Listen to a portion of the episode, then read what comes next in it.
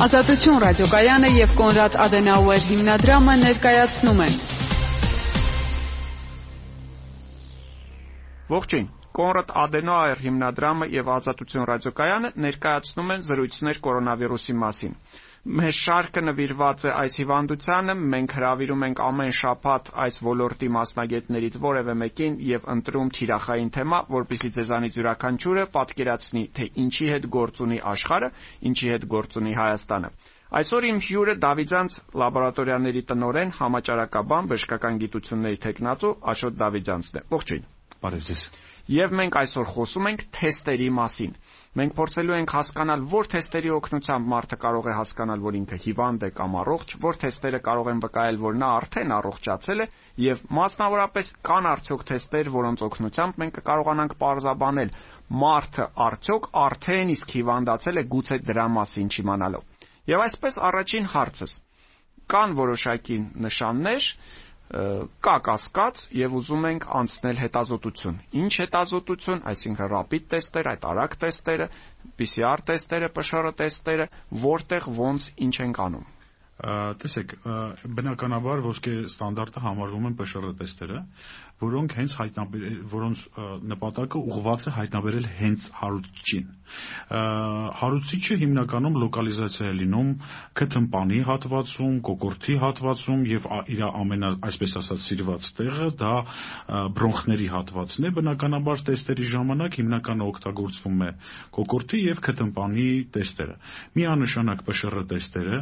իրանք ավելի որպես ոսկե ստանդարտ են գնում։ Իհարկե, այստեղ գալիս է արտադրող, այստեղ գալիս է կատարող, հասկանում եք որտեղ իրանք բազմակոմպոնենտային է, այսինքն լաբորատոր հետազոտությունը դա մենակ տեստը չէ, դա անձնավորությունն է, դա սարքավորումն է, այսինքն մի քանի հանգամանքների օղակներ ունենք։ Բրավո։ Այսինքն այդ օղակների համադրությունը մենք գրավական է բարեհաջող PCR տեստավորման։ Դուք նշեցիք rapid տեստերը, rapid տեստերը բնականաբար իրանք առաջին հերթին մարքետոլոգիական, մարդուն իբրև կոմֆորտ պարունակող եւ այլն եւ այլն, իրանք հիմնված են իմունոգլոբուլին M, այսինքն բորբոքման ֆազայի առաջնային արագ այդ հակամարմինների եւ իմունոգլոբուլին G ավելի ուշ հատվածի հայտնաբերման համար բնականաբար սկզբում այդ տեստերը արտադրվեցին, իրանք գնալով շտկվում են, փորձում փորձեմ ձեզ ասել, որ գնալով առաջ ասեմ, որ եթե ռապիդի կարիք լինում է, դա պետք է իրոք հետարկրվել թե այդ տեստերի ցակումը որտեղից է երկիրը սերտիֆիկատները համաշխարհային այդ միջազգային կազմակերպության տրված սերտիֆիկատները որոնք են ասենք նույն արշապացիան համար կներեք սովորական պացիենտը սովորական բուժառուն չի կարող չէ գնալ ու այդ ամեն ինչը հասկանալ դուք դուք մասնագետ եք դուք գիտեք ես հասկանում եմ դա միանշանակ երկկողմանի խնդիր է որովհետև դա մի կողմից պատշաճ պետք է վերաբերվի այն կազմակերպությունը, որը կատարում է այդ տեստերը, բայց մյուս կողմից պացիենտը կամ քաղաքացին ինք իրավունք ունի հարցնել եւ պահանջել, թե ինչ ֆիրմայի, ինչ արտադրության տեստերով եք դուք դնում։ Ավելի հեշտ չի դրա փոխարեն գնալ եւ PCR ռեակցիայով թեստ հանձնել, այդքանը ուսումնասիրելու փոխարեն։ Համաձայն եմ, միանշանակ դրա համար կարող եմ ասել, որ rapid տեստերը իրանք միշտ կողմնորոշիչ են ընդամենը։ Իրանք ավելի շատ համաճարակաբանական այսինքն մոտավորապես հասկանանք կլինիկական դեպքի վրա, այսինքն մեկ դեպքը, որը կոնկրետ մենք վարում ենք, ավելի ճիշտ կլինի PCR-ն կիրառել։ Բարի։ Այդ դեպքում հաջորդ հարցս. Առաջին օրերին կամ ամսվա ընթացքում գիտենք, որ քանակը բավարար չէր, շատեր ուզում էին գնալ հանձնել, բայց նրանց մերժում էին, եթե դուք չունեք նշաններ, ապա ձեզ ոչ ոք չի վերցնի, որովհետև պետությունը այլ խնդիրներ է լուծում։ Հիմա կարծես մասնավոր կլինիկաներում արդեն հնարավորություն կա հանձնել կամավոր կերպով կարող եմ գնալ, վճարել, հանձնել այստեղ նույն թեստերի մասին է խոսքը, թե սրանք այլ թեստեր են եւ այստեղ նույնպես արժի գնալ սերտիֆիկատ արտադրող երկիր։ Այո, տեսեք, մենք մասնավոր մենք մասնավոր լաբորատորիաներս բնականաբար, քանի որ կոպիտ ասած, կոպիտ ասած մրցակիցը պետության ծառայությունն է, մենք էլ ենք ձգտում անել լավագույնս եւ մենք երբեք մեզ թույլ չենք տա առնել կասկածելի տեստեր, կասկածելի ցակման, մենք դրա համար էլ հենց վճարի հիման վրա վճարով է որտեղ իրենք բավականին թանկարժեք են, որտեղ մեզ չեն վաճառում 100 տեստ, մեզ չեն վաճառում 50 տեստ, մեզ վաճառում են շատ մեծ քանակի մի կողմից, բայց մյուս կողմից էլ մենք հասկանում ենք, որ պետք է գնանք, ես վստահեցնում եմ, մի քիչ ոչ կոռեկտ կլինի օգտվելով առիթից մեր մասին մենակ զրուցել, բայց ես ավելին քան վստահ եմ, որ եթե Հայաստանի Հանրապետությունում կատարվում են վճարովի տեստեր, ապա իրանց մակարդակը, իրանց որակը միանշանակ բարձր է։ Այսինքն լավ է, որ մենք ունենք այս հնարավորությունը ապակենտրոնացված է, այսինքն մարդիկ կարող են գնալ։ Այստեղ ռեգուլյատորը հանդիսանում է առողջապահության նախարարությունը։ Եթե ինքը որոշեց միառժամանակ թողնել այս խնդիրը, այսինքն զուգահեռ, որ պետ պատվերի հետ լինի մենք մենք մենք դրան կմիանանք։ Հիմա մեծ բանակցություններ են գնում, որը տեսնենք առողջապահության նախարարության հետ ոնց կկարողանանք լուծել։ Ինչպես է իրականացվում։ Ես կարող եմ գնալ անանուն կերպով հանձնել այդ անալիզը, թե ես պարտավոր եմ գրանցվել։ Տեսեք ինչումն է հարցը։ Անձնագրով գնալ եւ Այո, որովհետեւ տեսեք, ըստեղ խնդիրը ինչումն է կանում։ Դե արդեն ըստեղ էլի մենք կարող ենք երկնակի ոնց որ ասել, ասած լուծել մոտենալ հարցին։ Մի կողմից կարելի է գնալ անանուն, ստուգել թեկուզ եւ Աստված մի արածը դրական լինել եւ վերցնել գնալ տուն ինքնամեկուսանալ։ Բայց եթե 3-4 օր հետո կլինիկապես կսանա վատանալ, դա հիմք չի արդեն, որտեղ դուք թող չունեք, որտեղ դա անուն ուներ, եւ հիմք չի արդեն դա գնալ պրոստը հիվանդանոց, պարզապես հիվանդանոց։ Հիվանդանոցում ապարկելու համար եւ ստանալ պետ պատվերի սահմանում, որտեղ պետությունը 100%-ով հոգում է կ ូវ իդով հիվանդի բուժումը 100%-ով։ Դա պետք է լինի, արդեն պետք է լինի համապատասխանաբար կոմպյուտերային ծրագրի մեջ, այդ պետական ծրագրի մեջ առողջապահական, որը գրանցվելու համար դու արդեն պետք է տվյալները ոնց որ ասած գուցե կան մարդիկ որոնք ուզում են թաքցնել իրենց հիվանդությունը դա արդեն ոնց որ մենք չենք ընդունում դա բնականաբար մյուս կողմից էլ բիոէթիկայի կանոններից ելնելով մենք իրավունք չունենք դա հրապարակել, դա ընդհանրապես ասվում է համապատասխան մարմիններին եւ բնականաբար պացիենտին։ Մենք նույնիսկ չենք ձգտում տալ բարեկամներին կամ իմ տեղը կգա, չգիտեմ, եղբայրս, քույրս կամ ծնողս կամ հակառակը երեխաները ծնողի համար կվեսնեն։ Փորձվում է լինել միանշանակ առաջնային կոնտակտ։ Բարի, հիմա փորձենք հասկանալ ինչպես է վերցվում անալիզը, այսինքն այդ փայտիկը շատ կարևոր շատ կարևոր հարց է բարձրացնում։ Բամբակ է ինչ որ փայտիկով, չգիտեմ անունը իրականում ինչպես է կոչվում, դրանով բկանցքից մասնագետը վերցնում է։ Այո, շատ լավ բառ օգտագործեցիք, որով եւ ես ուզում եմ շնորհակալություն հայտնել ձեր պրոֆեսիոնալիզմի համար որովհետև տեսեք, շատ կարևոր է նմուշառողը։ Ճիշտ է, պետք չի ավարտել բժշկական կամ չեմ պրոֆեսոր լինել, որ նմուշառող լինել, դա բավականին պետք է հասկանալ խնդիրը եւ նմուշառողը ինքը միշտ նամանավանդ երբ որ ինքը օրվա մեջ մի քանի հատ, ինքը չպիտի ձանձրանա իր գործից, ինքը միշտ պետք է լիներ զգոն։ Առաջին հերթին ինքը իրան չվարակելու նպատակով, որովհետև ինքը շատ շուտ շարքից դուրս կգա որպես աշխատող եւ կգնա ինքնամեկուսացման պրինցիպով։ Ես դա եմ ուզում ասել, հենց նույն բկանցքից վերցնելու ժամանակ շատ մեծ հավանականություն կա, որ մարդը կսկսի հազալ, հա, ինչ որ ռեֆլեկտոր դրա համար էլ հենց նմուշառուղը ինքը ամենապաշտպանված անձներից մեկն է, որտեղ ինքը պետք է ունենա շատ լուրջ դիմակներ, դիմակներ նույնիսկ լինում են դեպքեր, երբ որ երկու անգամ այդ պաշտպանիչ ակնոցներ եւ նույնիսկ իրանց վրայից այդ պաշտպանիչ այդ հատուկ կապյուշոնը կապյուշոնա տիպի ոնց են ասում ոնց որ այդ սիրուն sense նախասկաֆանդրային տարբերակներով բնականաբար ամեն նմուշառումից հետո ինքը իրան պետք է դեզինֆեկցնի որ դրա անցնի հետո հաջորդի որ ինքը արդեն աղբյուր չհանդիսանա չխոսենք Հայաստանի տվյալների մասին խոսենք միջազգային տվյալների մասին համաշխարհային տվյալները ինչ են ասում նման ձևով վերցրած անալիզի հավաստիությունը տոկոսներով, որտեղ չի կարող լինել 100%-անոց, բնականաբար։ Տեսեք, շատ ուժեղ հարց եք տալիս, որովհետև եւ շատ կարեւոր հարց եք տալիս։ Տեսեք, կա մի հետազոտություն, որտեղ ասվում է, որ բկանցքից եւ քթից իրար հետ վերցված անալիզների ես այստեղ ուզում եմ հաստատապես շեշտել ոչ թե ՊՇՌ մեթոդի հավաստիությունը, այ վիրուսին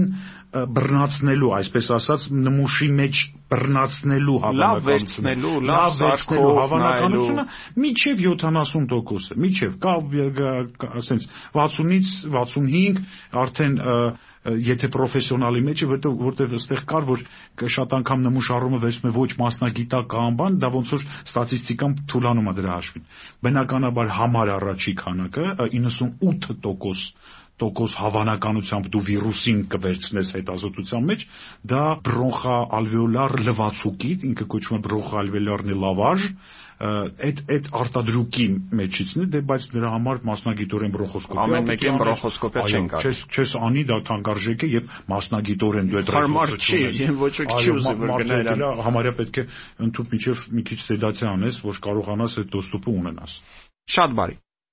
Փորձեցինք, հասկացանք, հիվանդը հաստատվեց անցավ բժշկական բուժման արդեն եւ գալիս է հաջորդ թեստի պահը, երբ մենք ուզում ենք հասկանալ, որ մարդը արդեն առողջացել է։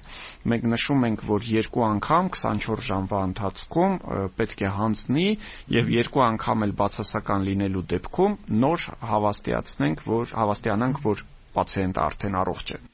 Այդ պարագայում այստեղ նույն այդ թեստն է արվում, թե սա այլ թեստ է։ Դե տեսեք, մոտեցումն է այստեղ կարևորը, որ այստեղ անալիզները նշանակում են այդ ձեր ասած արդեն մեթոդիկայով, անալիզը նշանակում է արդեն բուժող բժիշկը Դա կլինի ինֆեկցիոնիստը, թե ասենք պուլմանոլոգը, թե ռեանիմատոլոգը, արդեն ինքն է նշանակում ոնց հատվածով։ Առաջ մոտեցումը աշխարհի ուստի Հայաստանի Հանրապետության ուրիշն էր։ 14-րդ օրվանից հետո մի հատ ստուգում էին, տեսնում էին, եթե նույնիսկ դրական է, դրանից հետո եւս 14 օր պահում են։ Հիմա 2-3 օրը մեկ նորից ստուգում են եւ այդ մարդը ձեր պրինցիպով մի հատ բացասական, մի հատ էլ բացասական, ինքը համարվում է վիրուս չարտազատող անձնավորություն, որը ուստի կարելի ասել առողջացած, եթե կլինիկայա ունեցել, եթե կլինիկայա ունեցել, որը առողջացած, եթե չէ, ապա չարտազատող, պրոստը ինքը սովորական ձևի նորմալ տարավ եւ հյուրանոցային պայմաններում շատ նորմալ ապրեց, բարեհաջող վերադարձավ ընտանիք այդ դուք ասացիք արտազատող, այստեղ նաև բավականին շատ տվյալներ ստացվեցին, մասնավորապես ոչ հայաստանյան միջազգային տվյալներ, որտեղ ասվում էր, որ այ այն մարդիկ, որոնք երկու անգամ բացասական անալիզ են ունեցել եւ հետո չինացիների հետազոտություններ ցույց էր տալիս, որ գրեթե 20% դեպքերում նրանց մոտ կղանքում դեռևս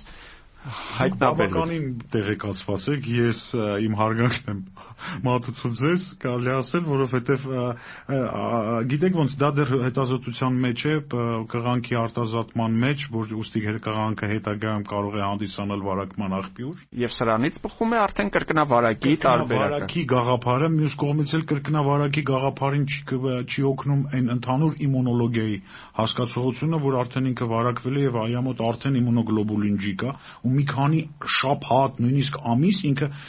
չի չի կարողանալու հիվանդանալ, այսինքն ինքը պաշտպանված է։ Դրա համար ուստի ձեր ասած հետազոտությունները բնականաբար ուշադրության կենտրոնում են, բայց դեր հետազոտման փուլում են։ Կներեք մի օրինակ էլ բերեմ, որը կարող է եւ թեմայից դուրս է։ Տեսեք, սկզբում դուրս եկան աշխատանքներ, որ կորոնավիրուսը կարծես ամենտեղ կա, կա, կա, կա։ Գերմանացի կարեցին հետազոտություն բավականին լուրջ, կորոնավիրուսով հիվանդ մարդկանց տան պայմաններում ստուգեցին բոլոր մակերեսները եւ ոչ մի մակերեսի վրա չկար վիրուս այսինքն ինքը վարում էր այնպես, ինչպես վարում էր իրան ռեսպիրատոր վիրուսները։ Ինքը խոնավ, այսինքն փռշտացինք, այդ պահին այդ փռշտոցը մենք ձեռքով վերցրեցինք եւ ձեռքով պտարենք մեր բերան։ Բնականաբար այստեղ առաջին օրենքը լվացեք ձեր ձեռքերը, բնականաբար աշխատում է ու ինքը միշտ պետք է աշխատի։ Այդ դեպքում նաեւ դուք ասում եք պաշտպանվածության մասին, մեր վերջին թեստին անդրադառնանք, այսինքն դիցուկ ես կասկածում եմ, որ հիվանդացել եմ, չունեմ տվյալներ, չեմ հանձնել անալիզներ, չեմ եղել մեկուսացման այդ զոնայում բժշկական հսկողության տակ, բայց այնուամենայնիվ ուզում եմ հասկանալ, արդյոք ես օրինակ 1 կամ 2 ամիս առաջ գուցե առանց ախտանշանների հիվանդացել եմ եւ հիմա արդեն ունեմ հակամարմիններ եւ հիմա ես պաշտպանված եմ թե ես ոչ պաշտպանված եմ ոչ հիվանդացել եմ կան արդյոք նմանատիպ թեստեր աշխարհում եւ Հայաստանում։ Հերթական լավ հարց է։ Տեսեք, այստեղ մենք պետք է հայտնաբերենք իմունոգլոբուլին G-ն։ Այսինքն հակամարմինները։ Հակամարմինները։ Բնականաբար վիրուսի մասին մի կոմ, ասենք ես ուզում եմ իմանալ, դուք ասացիք, վիրուսը մտել է իմ մեջ, իր թողել է իր, այսպես ասած, դրական հետքը, հետքը, ալիա իմունիզացիա, հա։ Եվ ես ուզում եմ իմանալ, ես ապահով լինեմ, թե չէ, որ չեմ վարակվելու ամենատեպս ինչ որ Գոնե մի 6 ամիս պաշտպան։ Իմունոգլոբուլին G-ն կա հենց այդ էքսպրես տեստերում, այդ M-ն ու G-ն։ Այստեղ մենք ուշադրություն ենք դարձնում G M-ը սուրն է։ Այո, M-ը սուրն է եւ G-ը գծիկի վրա ենք, այո, G-ը գծիկի վրա։ Եթե այս պարագայում երբ որ G-ն դրական է, իմ համար դա բավականին ես կարծում եմ դա ուրախալի է, որովհետեւ փաստորեն դու շատ նորմալ տարել ես եւ պաշտպանված ես այս պարագայում կան արդեն արդեն շուկային ներ մտնում առանձին իմունոգլոբուլին G համար ELISA քիթերով, այսինքն իմունոֆերմենտային անալիզներով, ոնց ենք այլ տեսակի հակամարմիններ առաջալ բանանում հայտնաբերում, այ այդ քիթերը կոչվում են իրանք քիթեր նաբոր հայերեն ոնց կլինի օգնեք ինձ խնդրում եմ մի խոսքով քիթեր diagnostic kits իրանք արդեն առանձին կոնկրետ իմունոգլոբուլին G-ն հայտնաբերելու համար այս պահին հասանելի տեստերում շուկայի դա էքսպրես տեստի իմունոգլոբուլին G-ն է։ Ես Հայաստանում կան դրանք։ Այո, իհարկե, բայց այստեղ գալիս է այ մի խնդիր, որ ինչքանով այդ էքսպրես տեստը ինքը որակյալ է, որովհետև սկզբում երբ որ իրանք սարքվեցին այդ իմունոքրոմատոգրաֆ մեթոդներով է ինքը իրանք սարքվեցին նաև իրանց մեջ կար պրոստը պարզապես այդ ընդհանուր կորոնացեղի հակամարմինները հնարավոր է տարբերակ լինի որ ես դիցուկ 2019 թվականի հունիսին կամ օգոստոսին հիվանդացել եմ գրիպանման այլ կորոնավիրուսով եւ հիմա այդ բայց ոչ COVID-19-ով։ Այո, որը դեռևս չկար այդ COVID-19-ը։ Դրանից մի քանի ամիս հետո։ Այո։ Եվ հիմա այդ թեստը դրական ցույց տա ու ինձ խափի։ Այ ըստեղ գալիս է արտադրության արտադրության որակը, այսինքն ինչքան բարձր մակարդակի լինի արտադրողը, ինչքան վստահելի լինի, այսինքն ինքը գումար կծախսի եւ շատ ավելի սպეციფიկ հակամարմին կորոշի։ Հարգելի բարեկամներ, սա զրույցներն էին կորոնավիրուսի մասին, որը կազմակերպում են Կոնրադ Ատենոյար հիմնադրամը Ազատություն ռադիոկայանը։ Ես բժիշկ Վահե Տերմինասյանն եմ, իմ հյուրը այսօր Դավիթյանց լաբորատորիաների տնօրեն, համաճարակաբան բժշկական գիտությունների տեխնացու Աշոտ Դավիթյանցն էր։ Մենք խոսում էինք թեստերի մասին, ես ուզում եմ եզրափակել, որ ամենաճիշտը այնուամենայնիվ շարունակելն է հետևել պրոֆիլակտիկայի միջոցներին։ Լվացեք ձեր ձեռքերը, պահպանեք սոցիալական տարածությունը եւ գուցե ձեզ ոչ մի թեստ էլ անհրաժեշտ չլինի։ Առողջ եղեք։ Կհանդիպենք մեկ շաբաթից։